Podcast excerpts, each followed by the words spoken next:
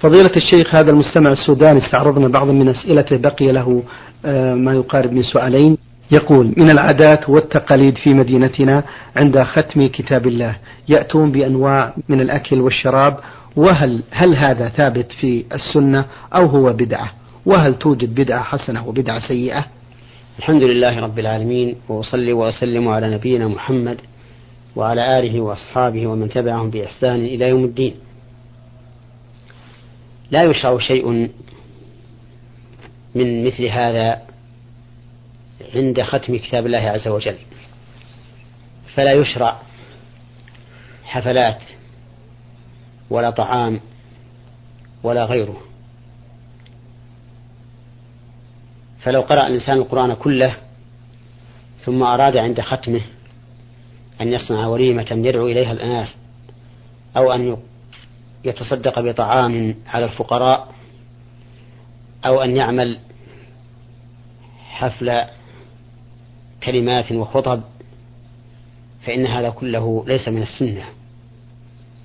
وإذا لم يكن من السنة وصنع بمناسبة دينية وهي ختم القرآن فإنه يكون من البدعة. وقد قال أعلم الخلق بشريعة الله وأنصح الخلق لعباد الله وأفصح الخلق بلاغة ونطقا. محمد رسول الله صلى الله عليه وسلم قال كل بدعة ضلالة كل بدعة وكل للعموم. ولم يستثن النبي صلى الله عليه وسلم بدعة من البدع تكون حسنة. وبهذه الكلية الجامعة المانعة نعلم أن تقسيم البدع إلى بدعة حسنة وبدعة سيئة خطأ عظيم وقول على الله بلا علم. فليس هناك بدعة تكون حسنة أبدا. ومن ظن أن في البدع ما يكون حسنا فإن ذلك على وجهين. الوجه الأول أن يكون ظنه أنها حسنة ليس بصحيح. لأنه متى تحققنا أنها بدعة فهي سيئة. الوجه الثاني أن يكون ظنه أنها بدعة خطأ فهو يظن أنها بدعة وليست ببدعة. أما إذا تحققنا أنها بدعة فإننا نتحقق أنها سيئة وليست بحسنة. هذا هو ما تقتضيه هذه الكلمة العظيمة من كلام سيد المرسلين محمد صلى الله عليه وسلم. كل بدعة ضلالة. وتقسيم بعض العلماء البدعة إلى بدعة سيئة وبدعة حسنة يتنزل على ما قلت آنفا. نعم. وهو أنه إما أن يكون هذا الشيء ليس ببدعة وهم ظنوه أنه بدعة. وإما أن يكون هذا الشيء ليس بحسن وهم ظنوه أنه حسن. أما مع تيقن أن هذا الشيء بدعة فإنه لن يكون حسنا أبدا. فإن قال قائل أليس قد قال أمير المؤمنين عمر بن الخطاب رضي الله عنه حين جمع الناس في رمضان على إمام واحد أليس قد قال نعمة البدعة هذه؟ فنقول بلى قال هذا. لكن هل أراد عمر أنها بدعة في دين الله؟ لا ما أراد هذا. وعمر من أشد الناس تمسكا بالسنة وتحريا لها. لكنه أراد أنها بدعة بالنسبة لما قبلها من الزمن فقط. وذلك أن النبي صلى الله عليه وسلم قام بأصحابه في رمضان ليلتين أو ثلاثا يصلي بهم جماعة ثم ترك ذلك خوفا من أن تفرض على أمتهم. فشرع الصلاة جماعة في قيام رمضان لكن تركه خوفا من مفسدة أعظم وهي إلزام الناس بهذه الصلاة جماعة. ولما توفي رسول الله صلى الله عليه وسلم أمن من هذه المضرة وهي إلزام الناس بهذه بهذا القيام لأنه انقطع الوحي. أمن من ذلك لكن خلافة أبي بكر الصديق رضي الله عنه لم تدم طويلا إذ أنها سنتان وأشهر. وكان رضي الله عنه مشغولا بأحوال الجهاد وتنظيم الأمة الإسلامية بعد أن حصل ما حصل من بعضهم من مخالفات في بعد وفاة الرسول صلى الله عليه وسلم. ولما كان زمن عمر وانتفت الموانع وتفرغ الناس بعض الشيء خرج ذات يوم رضي الله عنه فوجد الناس يصلون أوزاعا. يصلي الرجل وحده والرجلان والثلاثة. فرأى رضي الله عنه أن يجمع الناس على إمام واحد. فجمعهم على إمام واحد. ثم خرج ذات ليلة وهم مجتمعون على إمامهم يصلون بصلاته. فقال نعمة البدعة هذه فقال نعمة البدعة هذه.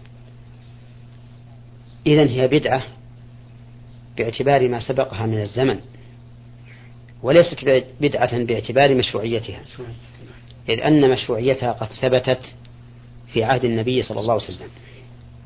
وعلى هذا فتكون فيكون إطلاق البدعة عليها إطلاقا نسبيا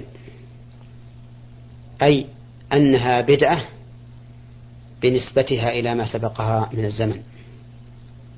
وبه ينقطع الحبل الذي تمسك به أهل البدع وابتدعوا في دين الله ما ليس منه وشرعوا في, الله في, دينه ما لم يأذن به واحتجوا بمثل هذه العبارة التي لها وجه غير الوجه الذي يريدونه وتوجيهها إلى الوجه الذي قلته هو الموافق لقول النبي صلى الله عليه وسلم كل بدعة ضلالة. إذ لا يليق بأمير المؤمنين عمر بن الخطاب أن يثني على بدعة وصفها النبي صلى الله عليه وسلم بالضلالة بأنها نعمة البدعة هي. ولقد انفتح أبواب من الشرور وبدع من قبيل المحظور بهذه الحجة وهي تقسيم بعض العلماء عفى الله عنهم وغفر لهم البدعة إلى بدعة حسنة وبدعة سيئة. ولو أننا تمسكنا بقول المعصوم محمد صلى الله عليه وسلم كل بدعة ضلالة لكان أحرى بنا أن نكون أتبع لرسول الله صلى الله عليه وسلم مما لو قسمنا البدعة إلى حسنة وإلى سيئة. نعم. بارك الله فيكم. آه، المستمع من جازان آه، يحيى قاسم يقول ما حكم السواك أثناء الصلاة؟ بدعة. إن قصد الإنسان أن يتعبد لله بالسواك حال الصلاة. وعبث وحركة مكروهة. إن كان الإنسان لا يريد هذا ولكنه يريد أن يطهر فمه. والسواك المشروع إنما يكون قبل الصلاة. قبل الصلاة نعم. إذا أراد فعلها وكذلك عند الوضوء. فالسواك عند الوضوء سنة والسواك عند الصلاة سنة. وأما السواك في الصلاة في أثناء الصلاة فهو إما عبث مكروه وإما بدعة. يكون بدعة إن قصد الإنسان التعبد لله به ويكون عبثا مكروها إن لم يقصد التعبد وعلى كل حال فلا يتسوق الإنسان وهو يصلي. وإنني بهذه المناسبة أحب أن أتوسع قليلا في حكم الحركات في الصلاة. الحركات في الصلاة قال العلماء إنها تنقسم إلى خمسة أقسام. حركة واجبة. وحركة مستحبة وحركة مباحة وحركة مكروهة وحركة محرمة. فأما الحركة الواجبة فهي التي تتوقف عليها صحة الصلاة أي الحركة التي إن فعلتها صحت صلاتك وإن لم تفعلها بطلت. مثال ذلك رجل يصلي فرأى في غترته نجاسة. فهنا يجب عليه أن يتحرك ليخلع غترته حتى لا يكون حاملا للنجاسة. ودليل ذلك أن النبي صلى الله عليه وسلم صلى بأصحابه ذات يوم وعليه نعلاه فخلعهما في أثناء الصلاة ثم خلع الناس نعالهم. فلما سلم سألهم لماذا خلعوا نعالهم قالوا رأيناك خلعت عليك فخلعنا نعالنا فقال إن جبريل أتاني فأخبرني أن فيهما قذرا. وكذلك لو كان الإنسان يصلي إلى غير القبلة. فجاء رجل فقال له إن القبلة على يمينك. فهنا يجب عليه أن ينحرف إلى جهة القبلة وهذه الحركة واجبة لأنه لو بقي على ما استقبل على مستقبله أولا لبطلت صلاته. ودليل ذلك أن أهل أهل قباء أهل مسجد قباء كانوا يصلون صلاة الصبح إلى جهة الشام. فجاءهم آت فقال إن النبي صلى الله عليه وسلم نزل عليه قرآن وأمر أن يستقبل الكعبة. فاستقبلوها واستداروا إلى الكعبة. وصارت القبلة التي كانوا يصلون إليها أولا خلفهم لأن مستقبل الشام مستدبر الكعبة ومستقبل الكعبة مستدبر الشام. وكان النبي صلى الله عليه وسلم أول ما قدم المدينة يصلي إلى بيت المقدس وبقي على ذلك سنة وأربعة أشهر أو سنة وسبعة أشهر ثم بعد هذا أمر أن يتوجه إلى القبلة إلى الكعبة. قال الله تعالى قد نرى تقلب وجهك في السماء فلنولينك قبلة ترضاها فولي وجهك شطر المسجد الحرام وحيثما كنتم فولوا وجوهكم شطره إذا الحركة الواجبة هي التي يتوقف عليها صحة الصلاة. الحركة المستحبة هي التي يتوقف عليها تمام الصلاة. لا صحتها. ومن ذلك فعل النبي عليه الصلاة والسلام بابن عباس رضي الله عنهما. فإن ابن عباس رضي الله عنهما من حرصه على العلم بات ذات ليلة عند خالته ميمونة أم المؤمنين زوج النبي صلى الله عليه وسلم فلما قام النبي صلى الله, صلى الله عليه وسلم يصلي من الليل قام ابن عباس رضي الله عنهما فوقف عن, عن يساره. فأخذ النبي صلى الله عليه وسلم برأسه من ورائه فجعله عن يمينه. فهذه حركة من النبي صلى الله عليه وسلم ومن ابن عباس لكن أهل إكمال الصلاة. وكذلك لو كان المصلي يصلي في الصف فرأى فرجة في الصف الذي أمامه فإنه يستحب له أن يتقدم إلى هذه الفرجة لأن ذلك من تمام الصلاة. وكذلك لو كان في جيبه أي في مخباته شيء يؤذيه في صلاته ويشوش عليه فأخرجه من جيبه ووضعه في الأرض فإن هذه الحركة مستحبة لأنها من تكميل صلاته. أما الحركة المباحة وهي القسم الثالث فهي الحركة اليسيرة إذا كانت لحاجة. حركة يسيرة لحاجة فإنها تكون مباحة. ومن ذلك لو أن رجلا من الناس أتى إليك وأنت تصلي فقال أعطني القلم من فضلك لأكتب به.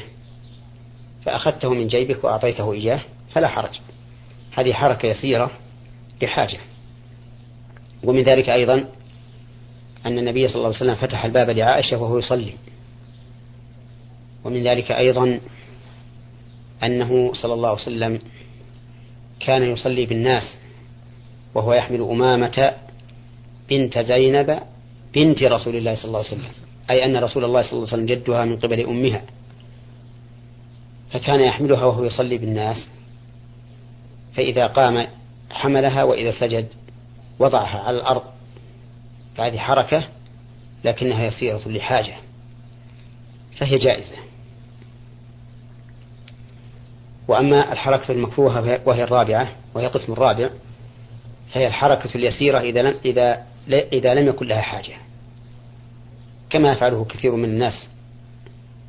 تجده يخرج الساعة فينظر إليها بدون حاجة. يخرج القلم من جيبه بدون حاجة. يعدل استيك الساعة بدون حاجة. ربما يتجرأ إلى أعظم من هذا. ربما يكون قد نسي شيئا.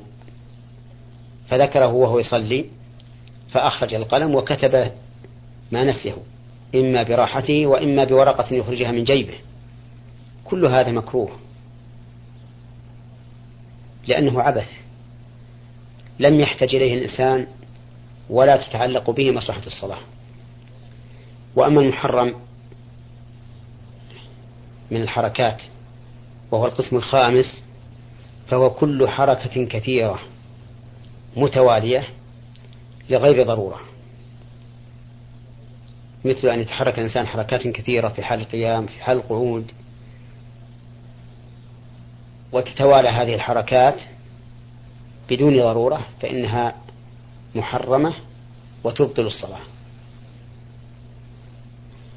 أما إذا كانت لضرورة كما لو هاجمه أسد أو هاجمته حية فعمل عملا كثيرا لمدافعتها فإن ذلك لا يضره كقول الله تعالى فإن خفتم فرجالا أو ركبانا فإذا أمنتم فاذكروا الله كما علمكم ما لم تكونوا تعلمون.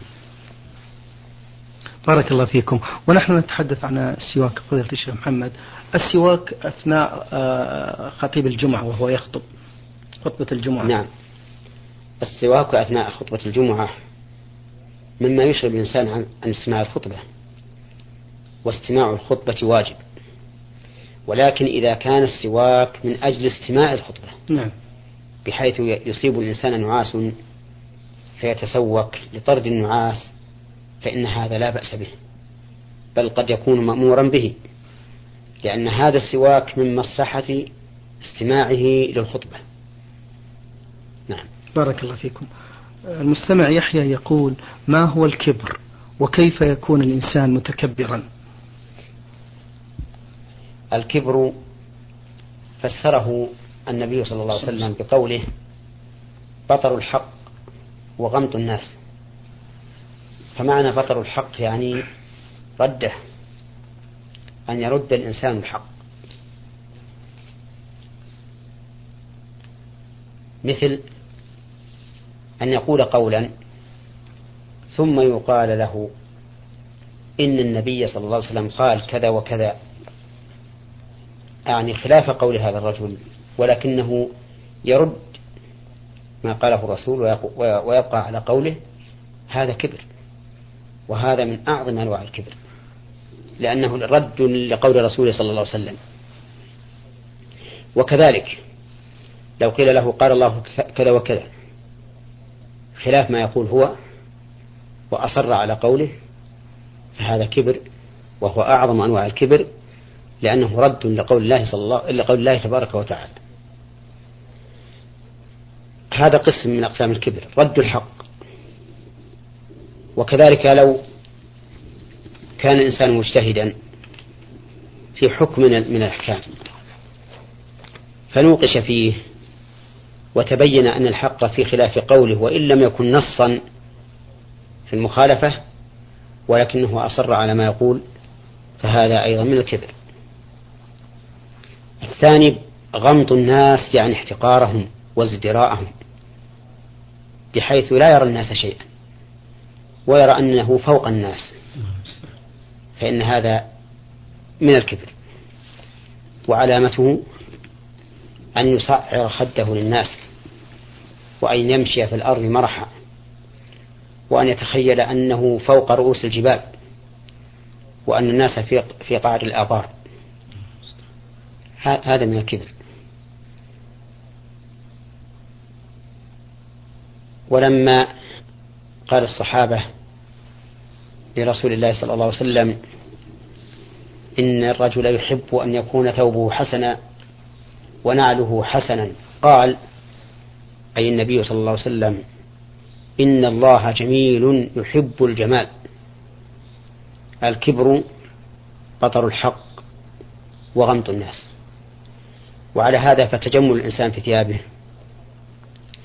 التي على الجسد أو التي يركبها وهي النعال. ليس من الكبر في شيء. إلا أن يصحبه ما أشار إليه النبي عليه الصلاة والسلام بكونه يغمط الناس ويحتقرهم فيحتقر من لم يلبس مثل لباسه ويحتقر الفقراء وما أشبه ذلك فهذا كبر. نعم. بارك الله فيكم. مستمعة للبرنامج رمزت لاسمها بعين صاد جيم الثقبة المملكة العربية السعودية تقول لقد حججت مع زوجي عام 1409 وبعد ما رمينا الجمرات يوم الثاني عشر توجهنا إلى مدينة جدة وفي اليوم التالي صلينا الظهر ثم اتجهنا إلى مكة لكي نطوف طواف الوداع ومن ثم نتجه إلى مكان إقامتنا. ولكن قبل أن نغادر جدة صافحني بعض الرجال الأجانب ولم أستطع أن أجدد وضوئي وطفت بالبيت طواف الوداع وأنا على هذه الحالة فما حكم طوافي هذا؟ وماذا يترتب علي من ذلك؟ وإن كان هناك من كفارة فهل يجوز لي أن أرسل بقيمتها إلى المجاهدين أم لا؟ أقول إن خروج هذه المرأة وزوجها إلى جدة قبل طواف الوداع ينظر فيه فهل جدة هي مكان إقامتهم؟ إن كانت جدة مكان إقامتهم فإن خروجهم من مكة إليها قبل الوداع محرم. ولا ينفعهم الرجوع بعد ذلك والطواف بل عليهم الفدية تذبح في مكة وتوزع على الفقراء على كل واحد منهم شاة. تذبح في مكة وتوزع على الفقراء. هذا إذا كانت جدة مكان إقامتهم. أما إذا لم تكن مقامة مكان إقامتهم ولكنهم خرجوا إليها لحاجة على أن من نيتهم أن يعودوا إلى مكة ويطوفوا للوداع ويخرجوا إلى مكان إقامتهم فإنه لا شيء عليهم. وأما ما ذكرت من أنها سلمت على بعض الرجال قبل الطواف ثم طافت بعد ذلك بدون وضوء فإن ذلك لا يضر بالنسبة للطواف لأن مس المرأة للرجل أو مس الرجل للمرأة لا ينقض الوضوء حتى وإن كان بشهوة على القول الراجح. ولكن مصافحتها للرجال الأجانب حرام عليها ولا يحل لها أن تكشف وجهها ولا أن تسلم على الرجال الأجانب ولو كانت كفاها مستورتين بقفاز أو غيره. والواجب عليها أن تتوب إلى الله مما صنعت من مصافحة الرجال الأجانب وأن لا تعود لمثل ذلك. وهنا أنبه على مسألة خطيرة في في هذا الباب وهي أن بعض الناس اعتادوا أن يسلم أخو الزوج على زوجته أي على زوجة أخيه أو يسلم على ابن عمته مصافحة وهذه العادة عادة سيئة محرمة. ولا يحل لامرأة أن تسلم على رجل ليس من محارمها أبدا ولو كان ابن عمها أو ابن خالها أو ابن عمتها أو ابن خالتها أو أخ أخا زوجها أو زوج أختها كل هذا حرام. ولا يجوز والشيطان يجري من ابن آدم مجرى الدم. قد يقول قائل أنا أسلم عليها وأنا بريء وأنا واثق من نفسي أن لا تتحرك شهوتي. وأن لا أتمتع بمسها. فنقول له ولو كان الأمر كذلك. لأن هذه المسألة حساسة جدا. نعم. والشيطان يجري من ابن آدم مجرى الدم. ولهذا جاء في الحديث لا يخلون رجل بامرأة إلا كان الشيطان ثالثهما. وما ظنك باثنين يكون الشيطان ثالثهما. كذلك أيضا إذا مس الرجل المرأة فإن الشيطان سوف يجعل في نفسه حركات وإن كان بعيدا منها لكن هو على خطر. ولهذا أحذر من أن تصافح المرأة من ليس من محارمها. قد يقول قائل أنا لو لو تجنبت هذا ومدت إلي يدها يدها فقلت هذا لا يجوز لأثر ذلك في العلاقة بيني وبينها. أو بيني وبين أبيها إذا كانت من عمي أو بينها وبين أخي إذا كانت زوجته أو ما أشبه ذلك. فأقول له أتخشونهم؟ فالله أحق أن تخشوه ولقد قال الله عز وجل لنبيه محمد صلى الله عليه وسلم أشرف الخلق. اتق الله وتخفي في نفسك ما الله مبديه وتخشى الناس والله أحق أن تخشاه. وإذا كان أقاربك من أخ أو عم أو غيرهما يجدون في أنفسهم عليك إذا أنت فعلت الحق أو تجنبت الباطل فليكن ذلك. فليكن ذلك. فإنه لا إثم عليك وإنما الإثم عليهم. الإثم عليهم من وجهين. الوجه الأول أنهم وجدوا عليك في أنفسهم وهم من أقاربك والوجه الثاني أنهم وجدوا عليك لأنك فعلت ما تقتضيه الشريعة. وأي إنسان يكره شخصا فعل ما تقتضيه الشريعة. بل الذي ينبغي أن من فعل ما تقتضيه الشريعة ولا سيما مع مخالفة العادات الذي ينبغي أن نجل هذا الرجل وأن نعظمه وأن نكرمه وأن يكون له في منزلة وأن يكون له في قلوبنا منزلة أرقى وأعلى من منزلته السابقة. نعم. شكر الله لكم.